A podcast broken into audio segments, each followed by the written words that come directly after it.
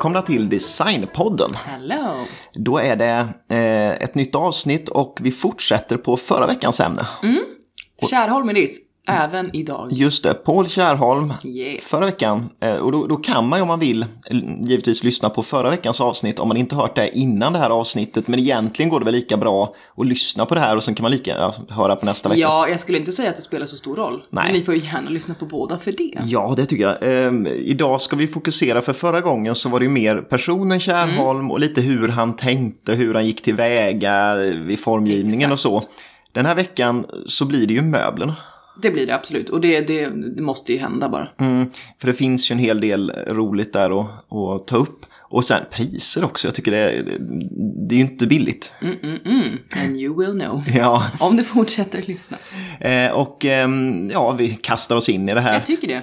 Eh, Vi som pratar heter Sandra och Andreas och ni lyssnar på Designpodden.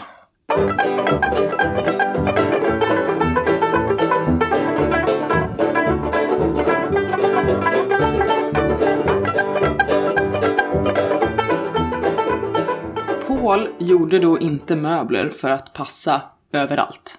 Nej, Att en möbel skulle kunna ställas in i vilket rum som helst var otänkbart för honom. Alla Pauls möbler var tänkta som en del av ett rum eller ett sammanhang. Exempelvis soffan PK80. Den kan ju inte liksom stå mot en vägg. nej det blir inget bra. Den ska stå fritt och avdela rummet. Mm, mm, det är klart. Därför, han låter alltså möbeln forma rummet istället för tvärtom. Och fokus ska ligga på de här fulländade möblerna som han har utvecklat, va? Ja, Paul fick dock ofta höra att hans möbler var för dyra mm, och för exklusiva. Nähä, tycker Och du? att de knappast var miljövänliga heller med allt det här stålet och så. Nej, det kan man ju Och han var inte riktigt nöjd med det. Nej, Men han trodde och ville att hans möbler gradvis skulle bli billigare och mer tillgängliga för massan i och med teknologins framsteg. Mhm. Men det, så blev det ju inte. nej absolut inte. De Alltså, är ju fortfarande väldigt exklusiva och få kommer ju någon gång ha ekonomin som krävs för att köpa dem. I alla fall nya. Ja, absolut. Vi betonar ju att handla på auktion såklart va? Och det är ju fortfarande dyrt, men det är ju intressant för att de lär ju inte gått ner ens om man räknar om inflation och sånt. Eh, Det är ju dyrt som attan fortfarande. Gud vad tråkigt att tänka på inflation. Ja, men man måste ju Oj, tänka om oj, eh, pengavärdet eh, ändå. Nej, det, det skiter vi. Jag ska börja med PK25. Och det pratade jag lite om förra gången att det var den han gjorde som examensarbete. Och det är en fåtölj, eller vad ska man kalla det? Ja. ja, det är det väl egentligen. I would. Den gjordes då 1951 och eh, stommen består av en och samma bit stål.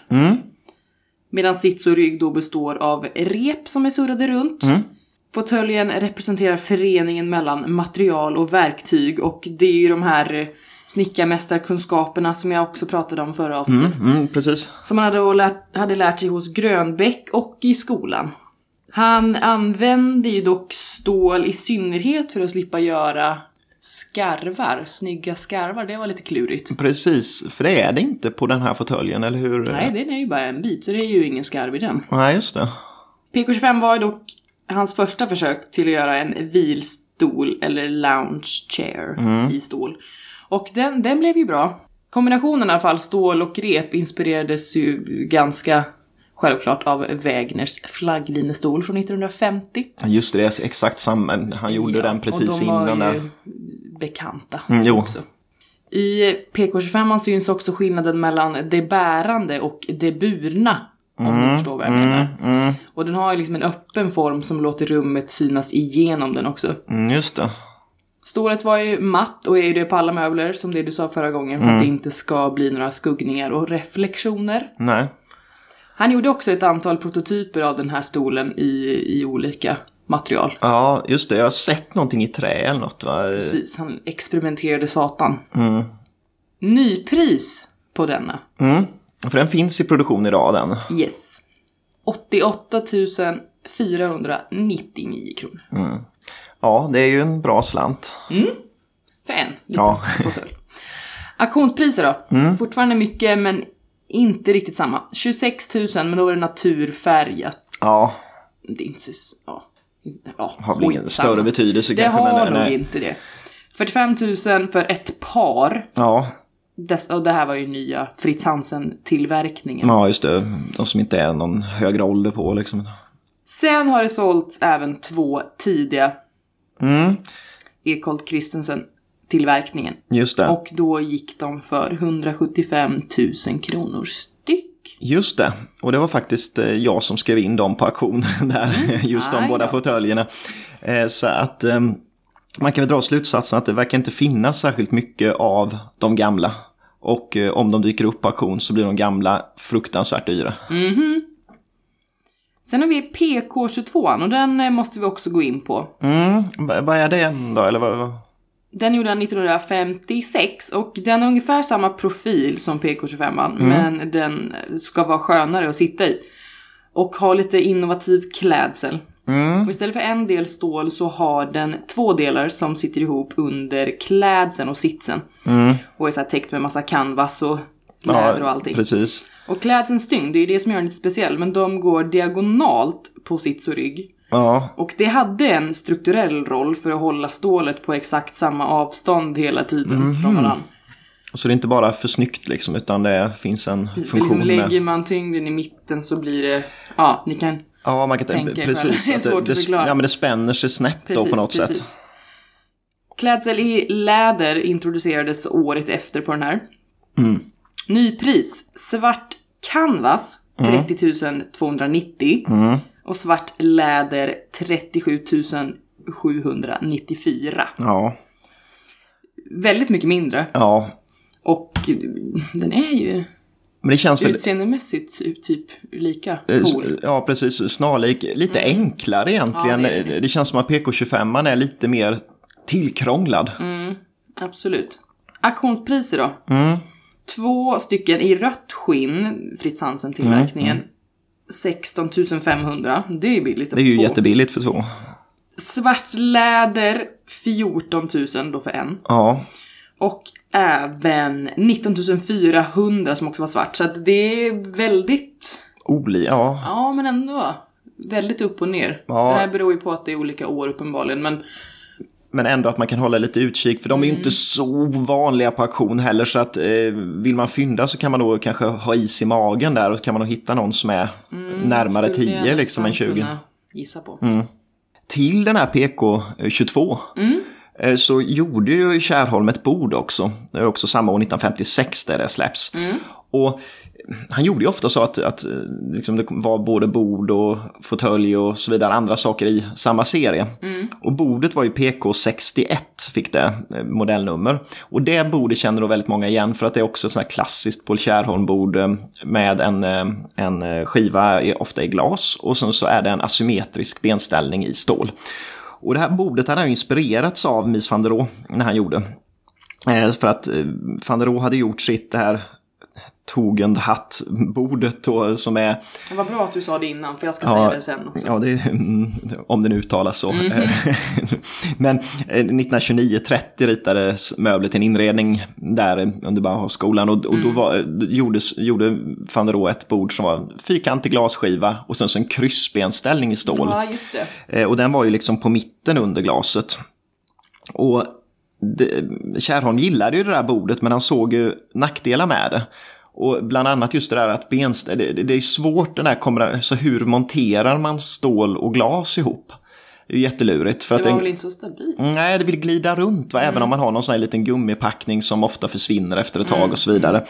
Så då ändrade ju Kärholm benställningen helt enkelt. Så att han eh, gjorde den asymmetrisk och lät längst upp på benen lät han den sticka upp lite. Som gör att i och med när man lägger på glasskivan så blir det liksom ett stag på varje sida som gör att glasskivan blir ju stabil när den väl ligger på plats.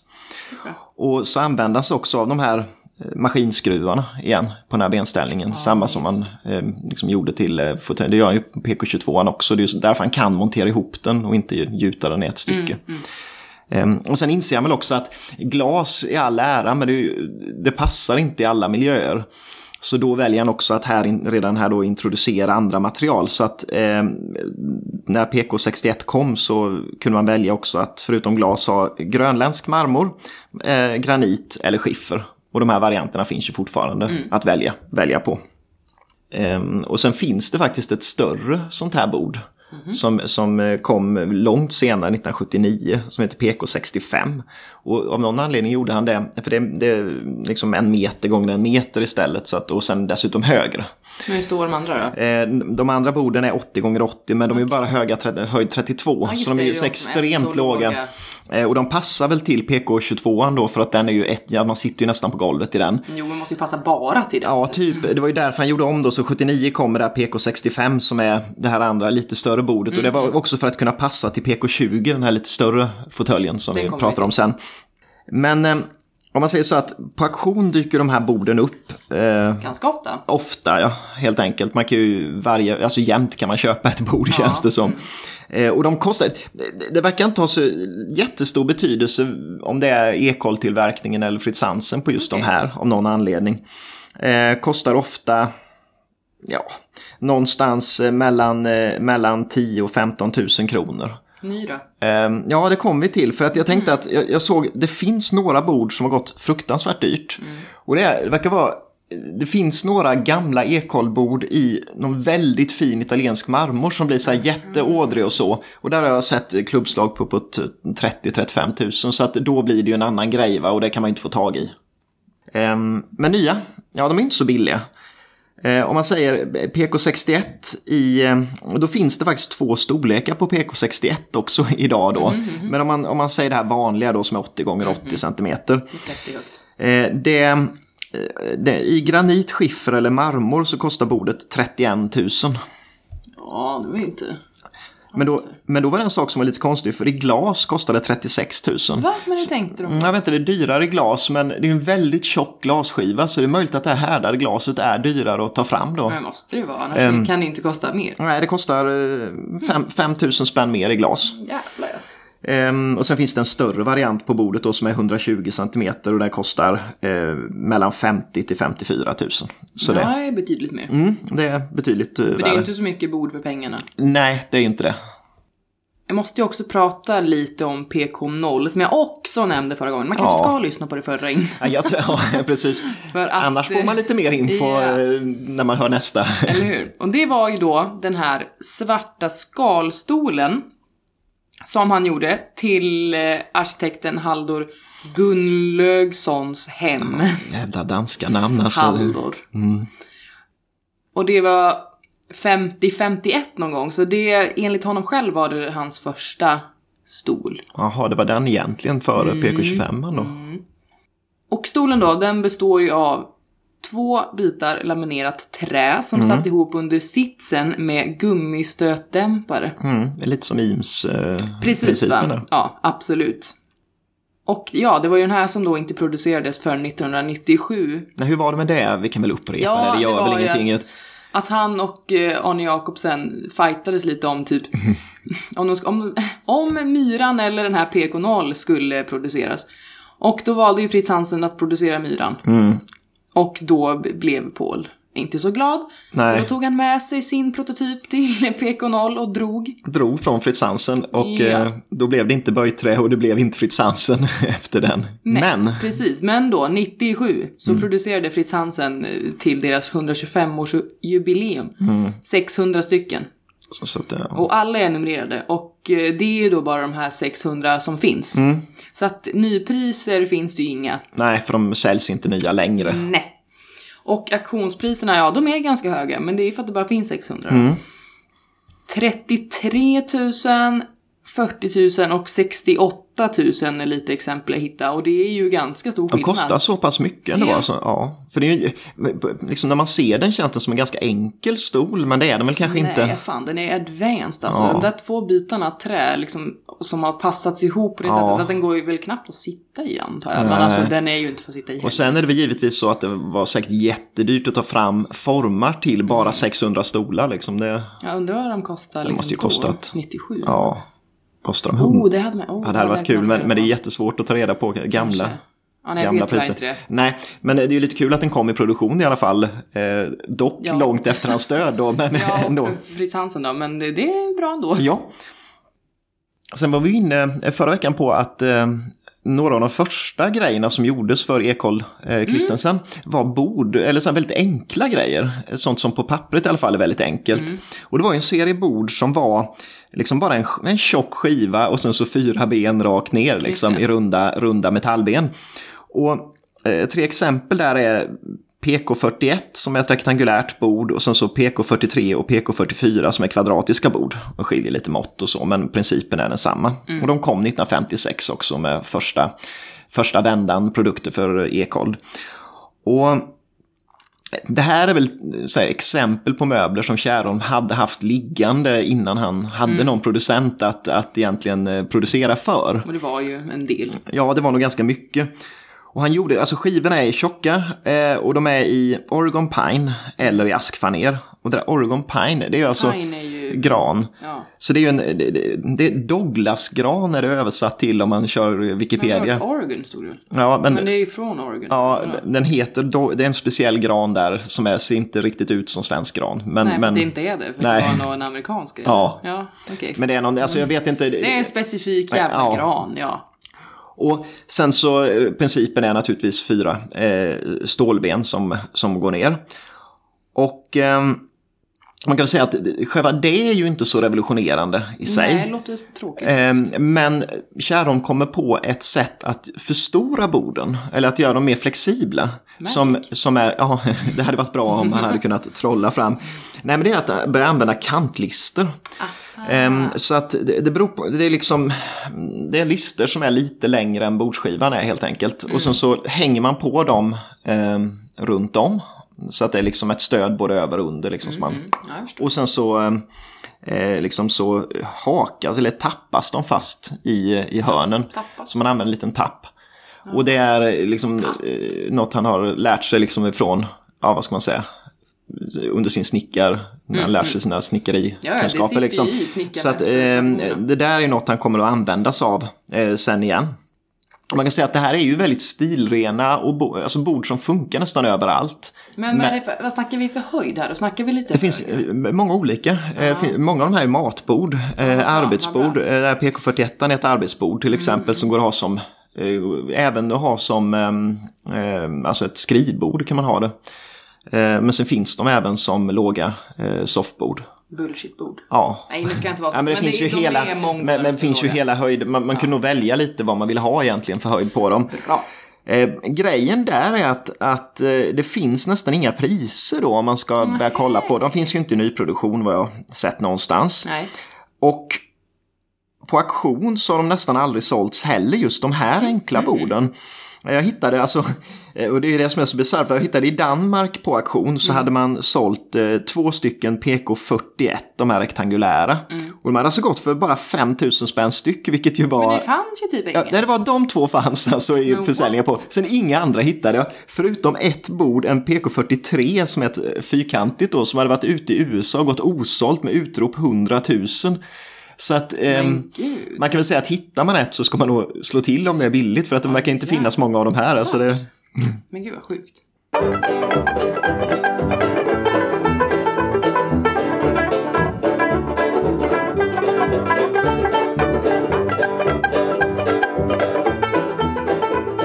PK9 mm. ska jag prata om nu. Och det är då en matsalsstol. Just det, det är kul. Och den kallas ju faktiskt också för Tulip Chair. Ja, jag älskar den stolen. Den är väl hans bästa Gör tycker jag. Du? Ja, jag tycker den är jättefin. Fan vad spännande. Den har ju då också en stålgrundstruktur, mm. surprise. Och den är producerad, eller producerad, den är designad 1960. Mm.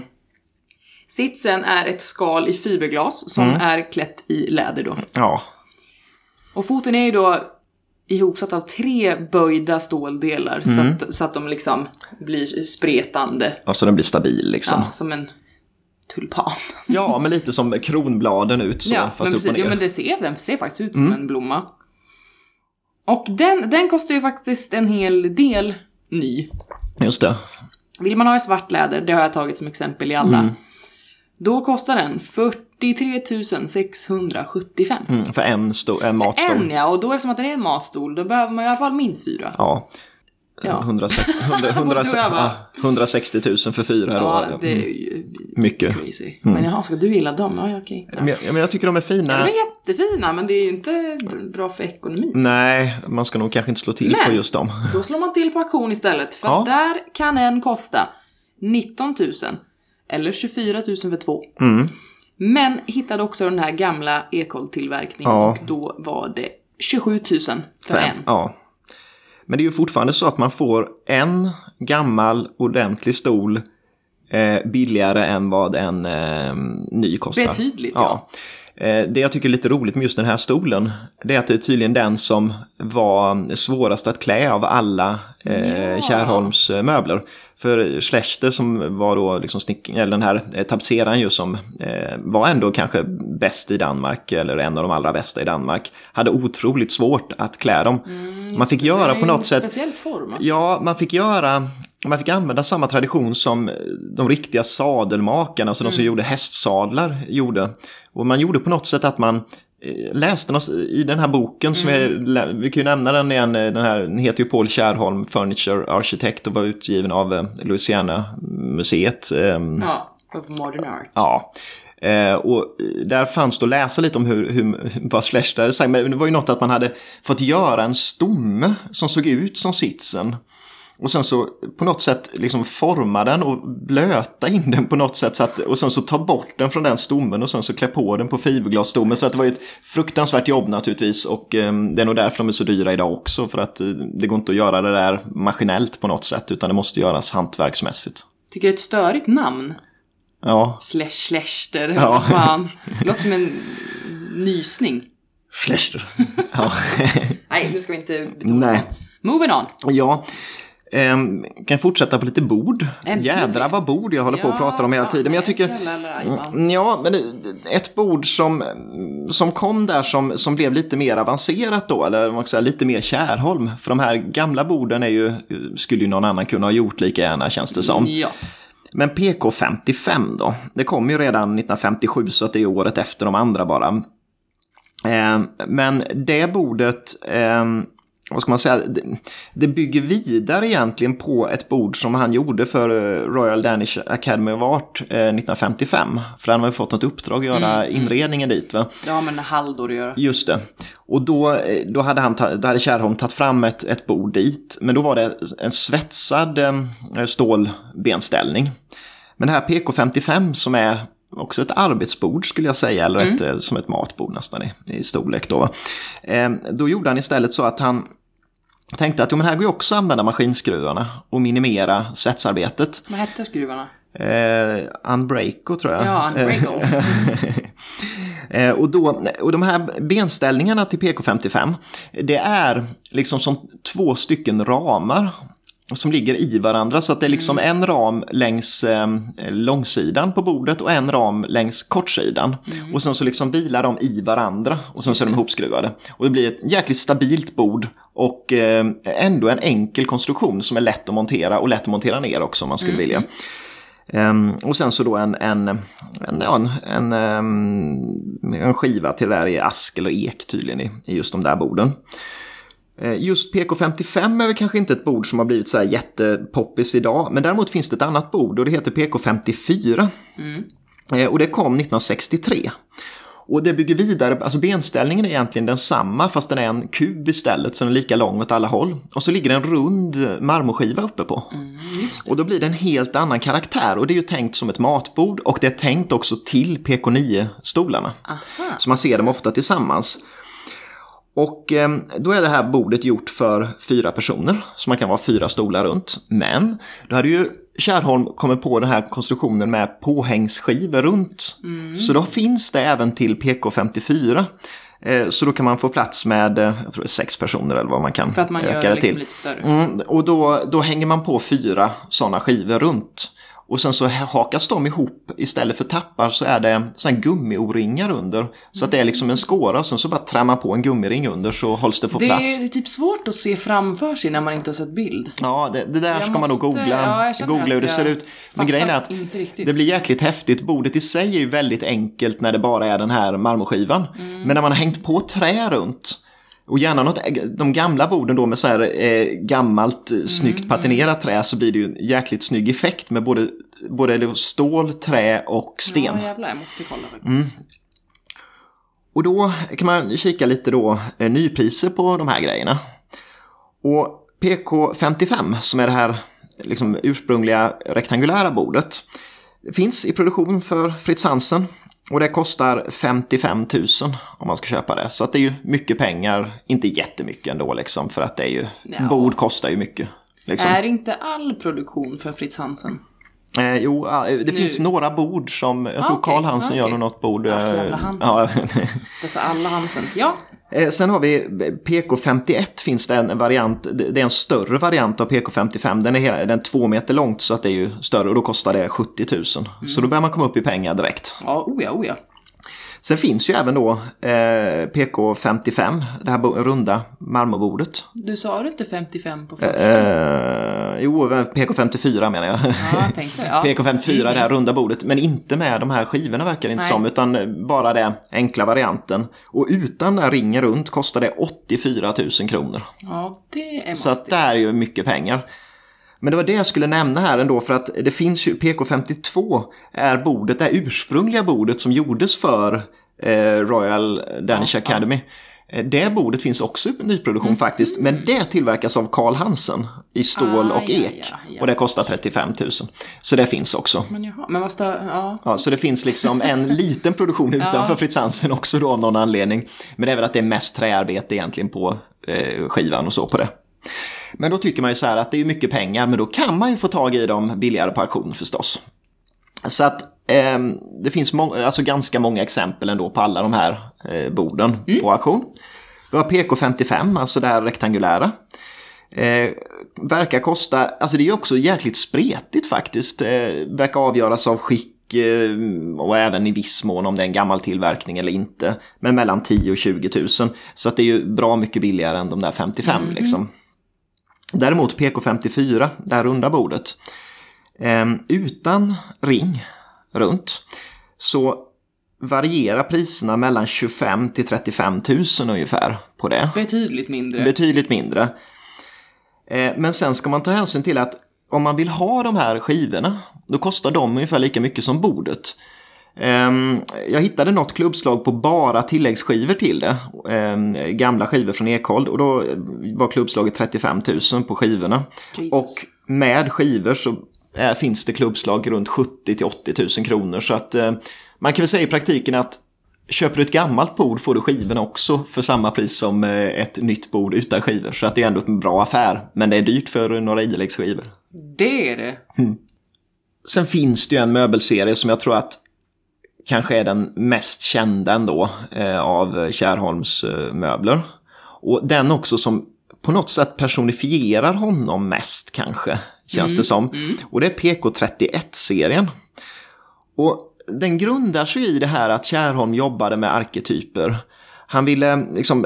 f- Få, Urstolen. Ja, ja, urstolen. Bara dra ner det till sin grundläggande form. Ja. Och även jobba med modulsystem ur ett geometriskt eh, tankesätt. Liksom.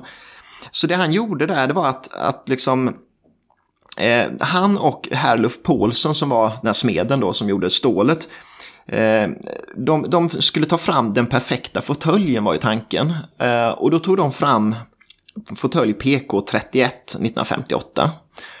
Och det är ju en fåtölj med stomme i stål, matt stål som alla de andra grejerna. Eh, och sen så har den arm, liksom klädda armstöd på båda sidorna. Och sen så då sits eh, och rygg med lösa dyner. Och sen var ju då tanken med hela det här att man ska kunna göra om det här systemet hur som helst egentligen.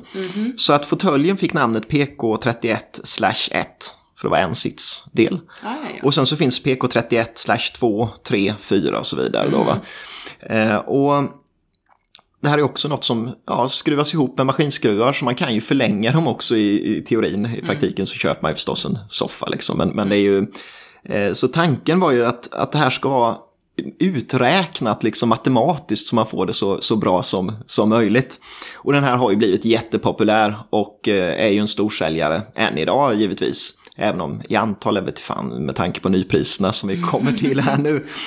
För grejen är så här att trots att den är så känd och ganska vanlig så kostar den alltså en fåtölj i det billigaste lädret kostar 130 000 kronor. Oh my lord. Ska man ha eleganslädret som är det dyraste av Fritz Hansens läder så kostar den 144 000. Alltså, mm, jag har inga ord. Tvåsitssoffan Jag vet inte om jag vågar veta. kostar 210 000 i billigaste utgåvan och 240 000 i elegansläder. Och så, det, det är där så mycket så att jag typ inte kan förstå det. nej, och då ska man komma till tresitsen. Åh, För tresitsen kostar i sitt grundutförande 300 000 men. Och i elegansläder 340 000. Så att, men har någon någonsin köpt den? nej, alltså de har den ju på Länna Möbler, på Nordiska Galleriet och så Har vidare. de Men, en i lager? ja, de har nog ingen i lag, eller de kanske har ett 340 visningsex liksom. Men ja, 340 000 kostar alltså tresitsen. Nej, det, nej, det är för mycket. Nej, det, det kan jag knappt ta in. För det är en tredjedels miljon. Ja, nej, det- eh, och man kan få en bra bil för, Ja, för den. Så det är otroligt dyrt. Men då är det också så bisarrt för att det här är kanske också den möbeln som skiljer mest mellan nypris och vad det kostar att köpa den på auktion. Mm. För där kan ju faktiskt ganska många ha råd att köpa den istället, även om man sparar lite liksom. För att om man kikar lite, det, det skiljer sig givetvis på eh, om det är en gammal Ekol-tillverkning eller om det är en Fritz Hansen. Men det skiljer inte så jättemycket ändå. Och i regel kostar en fåtölj någonstans mellan 15 och 30 000. Och där är ju skicket och eh, åldern avgörande. Men man kan få en fåtölj som i butik kostar 140 000 för 15 000 på auktion. Så att det är ju rejäl värdeminskning där liksom. Eh, tvåsitssoffan kostar någonstans mellan, de, de senaste klubbslagen jag hittade var mellan 28 000 och 40 000. Mm just tresitsen är lite mer ovanlig och väldigt populär så den kostar mer. Eh, den kostar mellan 70 och 80 000 ofta på Fast auktion. det är ju inte ens nära Nej. 300. Jämfört med 340 000 så är det vansinnigt billigt. Så att just när det gäller PK31 så vill man ha en PK31 och så ska man inte ens tänka tanken att köpa en ny. Alltså. De är ju fula ny också. Ja, alltså det blir så snyggt gammalt. Ja, jag förstår inte. Ja, Jag förstår inte hur det kan skilja så mycket heller. Alltså det, det är bisarrt. Ja, det där blir man ju sjuk av tänkte jag säga. Mm. PK20 nämnde du lite snabbt. Just det, den var till det här lite större bordet som, Mm. som Kärlom ritade. Den ritade han 68. Och det är en fåtölj. Precis. Och eh, Carl Christensen då, han insisterade på att den bör ta tillvara på de överblivna läderdelarna från Jaha, det- PK22-tillverkningen. Det blev över små bitar då som... eh, Ja, och det måste man ju ta tillvara på. För ekonomin och miljöns skull. va? Så Paul gjorde en design med läder i ett randmönster. Mm, ja, just det. Den, den har, ja, den har så Mm. här randsytt eh, läder. Precisely. Och som PK22 består den av två ståldelar som är sammanfogade under sitsen. Och sedan täckt med läderremsorna då. Och alla de är 6 cm breda. Om man bryter sig om den detaljen. Och som du också har sagt så inspirerades Paul väldigt mycket av uh, Mies van der Rohe. Och i synnerhet i designen i PK20. Ja, just det. Mm, då har han ju tittat på Mies van Rohes MR20. Och tog en hatt. Tog en hatt. stol. ja, Och den är ju snarlik, i alla fall benen alltså. just det. Eller snarlik, som är jävligt lika varandra. Mm. Men det pratade jag också om förra gången, det här med utvecklingen och att ingenting kan vara perfekt Mm. Nej, men från precis, början att han- och så vidare. Så att han har ju vidareutvecklat formerna. Det är mycket renare form i Kärrholmsstol. Absolut, ja ja. Men det var lite kul, den ja just det, MR20 heter eh, Ja, inte den som är mest lik då, men den är ju, ja, det Ja. finns ju där. Men de använder samma sätt att numrera Ja. modellerna. Men vad är det för logik egentligen? Finns det någon? Eh, Det har jag funderat på faktiskt Ja. just eh, för att Kärrholm har ju ofta gjort så, jag menar PK22 kom ju 25. efter 25 Jo, fast de är ändå lite lika. Nej, oh, jag orkar inte gå in Mm. Jag på orkar det inte här. tänka Vi på det. vet inte riktigt Nej. vad det är Om någon vet varför Kärrholm numrerar, eller om Som han... han gjorde. Ja, då så... vill vi veta det. Ja. Nypris, svartläder. 88 670. Och då var det Mm. där fullädret som du sa. Den där billigaste. Det där andra bättre, heter det? Elegance. Töntigt, men skitsamma. Då kostar den 101 851 kronor. Så 100 000 kostar en sån här med PK20. Yes. Ska, Mm. ska jag inte köpa. Nej, inte jag heller, för det tycker inte den är så snygg heller. Men det är skitsamma. Auktion då? där, Mm. där. kan man handla om man vill. För Billigare, va? att då har jag hittat, inte jättestor skillnad mellan Fritz Hansen och Ekol-tillverkningen. Nej, det är konstigt ändå ibland tycker Mm. jag. Fritz Hansen har jag två exempel och de är faktiskt dyrare. 26 000 och 29 000. Och så har jag en Ekol-tillverkning för 24 000. Så, att, eh, Man hade ju hemskt mycket hellre haft en ekoll-tillverkning. så det förstår jag inte. Nej, men nej, nej. så är det i alla fall. Men en tredjedel ungefär kan man Ja. få dem för. Sen ska vi komma in på den här eh, PK80 som du nämnde som inte kan stå mot en vägg. Precis. Eh, PK80 är ju dagbädden helt enkelt. Dagbädden personifierad, eh, arketypen dagbädd. eh, och den, den formgavs 1957. Så det är också en av de här tidiga modellerna av, av Kärholm. Och den utgår ju egentligen, alltså utvecklingen av den här tog sin början redan liksom i antikens Rom. För det var dagbädden den vanligaste möbeln.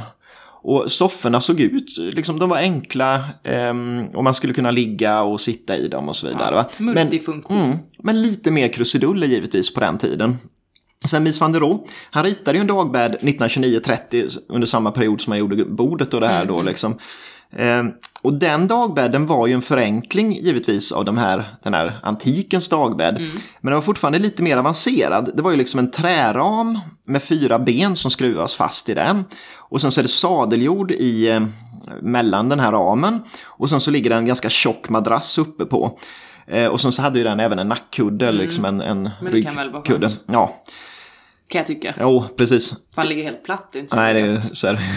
Men Kärholm man kände ju så här att han skulle förenkla konstruktionen. Så det var väl liksom, och, det, och där skulle jag säga att Kärholm har kommit fram till en optimal konstruktion för en dagbädd egentligen. Du tycker det? Mm, alltså just för att montera det så jäkla enkelt och bra som möjligt. För i Kärholms konstruktion istället så är det ju, det är ju två benpar i det här liksom plattstålet. Och sen så är det två stag i, i plattstål som skruvas ihop med benparen. Sen ligger en tunn plywoodskiva eh, svartlackerad uppe på det här. Mm. Det känns ju bullshit. Ja, men det är ganska stabilt ändå. Ja, liksom. okej, okej. Men grejen är att då är frågan hur monterar man träet på stålet? Gummi. Ja, för att problemet är att ska man skruva det så blir det stumt, det är risk att det spricker och man måste ha en ganska avancerad konstruktion däremellan. Men då löser Kärholm det med att han, han eh, låter liksom såga ut eh, fyra skåror i, i skivan mot varje hörn till. Och sen så drar man två gummiringar runt stålet och genom skårorna. Och då ligger den ju på, på plats, men den är ju ändå lite flexibel så att det inte är risk att det spricker eller någonting. Och sen så bara lägger den en, em, en madrass över. Och madrassen är ju knappsydd. Så den får lite så här, nästan lite mm. Barcelona-stuk på Ja, den. just det. Och det är ju en himla enkel, smidig konstruktion. Betydligt mer slimmad och ännu mer arketyp dagbädd givetvis än den som van der Rohe tar fram. Har du någonsin sagt arketyp så många gånger Nej. som jag gjort de här veckorna? Ja, under sociologin kanske. Usch, det Alltså, så gjorde du det? ja, hela tiden. Och då kan man ju se lite, det kostar ju en slant att köpa en sån här Mm, jag om man vill ha tänka den. mig. Eh, Det känns liksom... Den kostar, det, det beror ju också då på, den finns tydligen i, i Canvas men det har jag inte kollat upp vad den kostar i, för det räknas inte säger vi. Nej. Men i det billigaste lädret eh, kostar en dagbädd från Fritz Hansen då 134 000. Eh, och i elegansläder 153 000. Så att det är ju en bra slant. Fan, det är ju en sån konstig grej. Ja, Jag gillar inte, eller jag förstår det inte riktigt. nej, nej, man måste ha mycket yta för att kunna ställa, för det är ju Ja, som en mycket säng. pengar uppenbarligen. Ja. Ja. för det är en säng. Eller det är inte en säng och det är inte en soffa. Nej, det är mellan... Vad ska jag göra med den? ligga- den har väl ingen kudde den där heller? Nej, den har inte det, utan då måste du ha någon. Ja men jaha. Ja. Men- Det blir en bänk. Och då tänker man så här att ja, då skulle man kunna köpa den billigt på auktion, men det kan man inte riktigt Nej, för att, eh, för att eh, grejen är att eh, den är ju inte så vanlig givetvis i och med Nej. att den är så dyr. Eh, och det tillverkas inte många gamla heller. Så att på auktionen Fritz Hansen, för här skiljer det också ganska Mm. markant, men från Fritz Hansen så brukar de kosta mellan 50 och 70 000 Det är mycket. plus provisioner. Så att det innebär ju det att alltid. man kom, så man kommer ju upp i kanske 70 av, av butikspriset eller något sånt där. Eh, och vill man då ha en gammal ifrån eh, eh, Ekhold då, eh, och det vill man, för att det här är ju just Klä, klädseln på den här är ju ganska avancerad som vi var inne på förra gången. Det var, skulle vara ett enda stycke läder och så vidare. Och då kanske det är kul att ha en som han Ivan Schlechter har, har klätt. Ja. Eh, och då får man ge i regel mellan 90 och 150 000 för en ifrån Ekhold. Nej. Sen finns det ju då vissa i konjaksfärgat läder som är jättesnyggt patinerad. Och då snackar vi lite andra priser. Eh, Det finns ett klubbslag i Danmark på 207 000 för en i konjaksfärgat. Och i London finns det ett klubbslag på, på Philips på 350 000 kronor. Så att, eh, För en bänk. För en bänk. Jag tycker det är en bänk. Så att det är, Ja, det är liksom, det är- så det är mm, bra pengar får man lov att säga.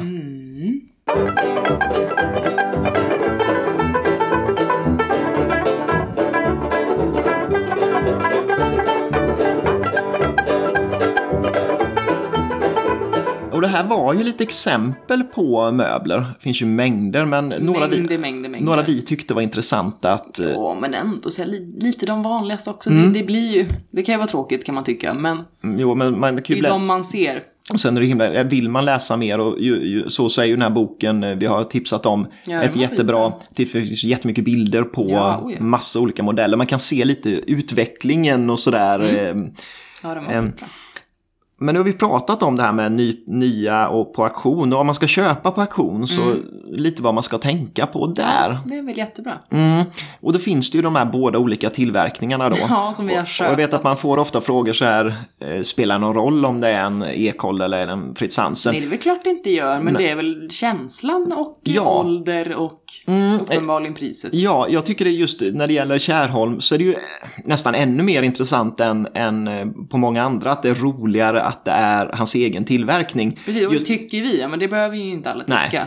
Men man kan ju komma ihåg just att han ville ju inte producera för Fritz Hansen. Han Nej, blev ju osams med dem. nej. Så att eh, i och med att skiljer inte mycket i pris liksom, då tycker jag man ska slå till på en Ekhold.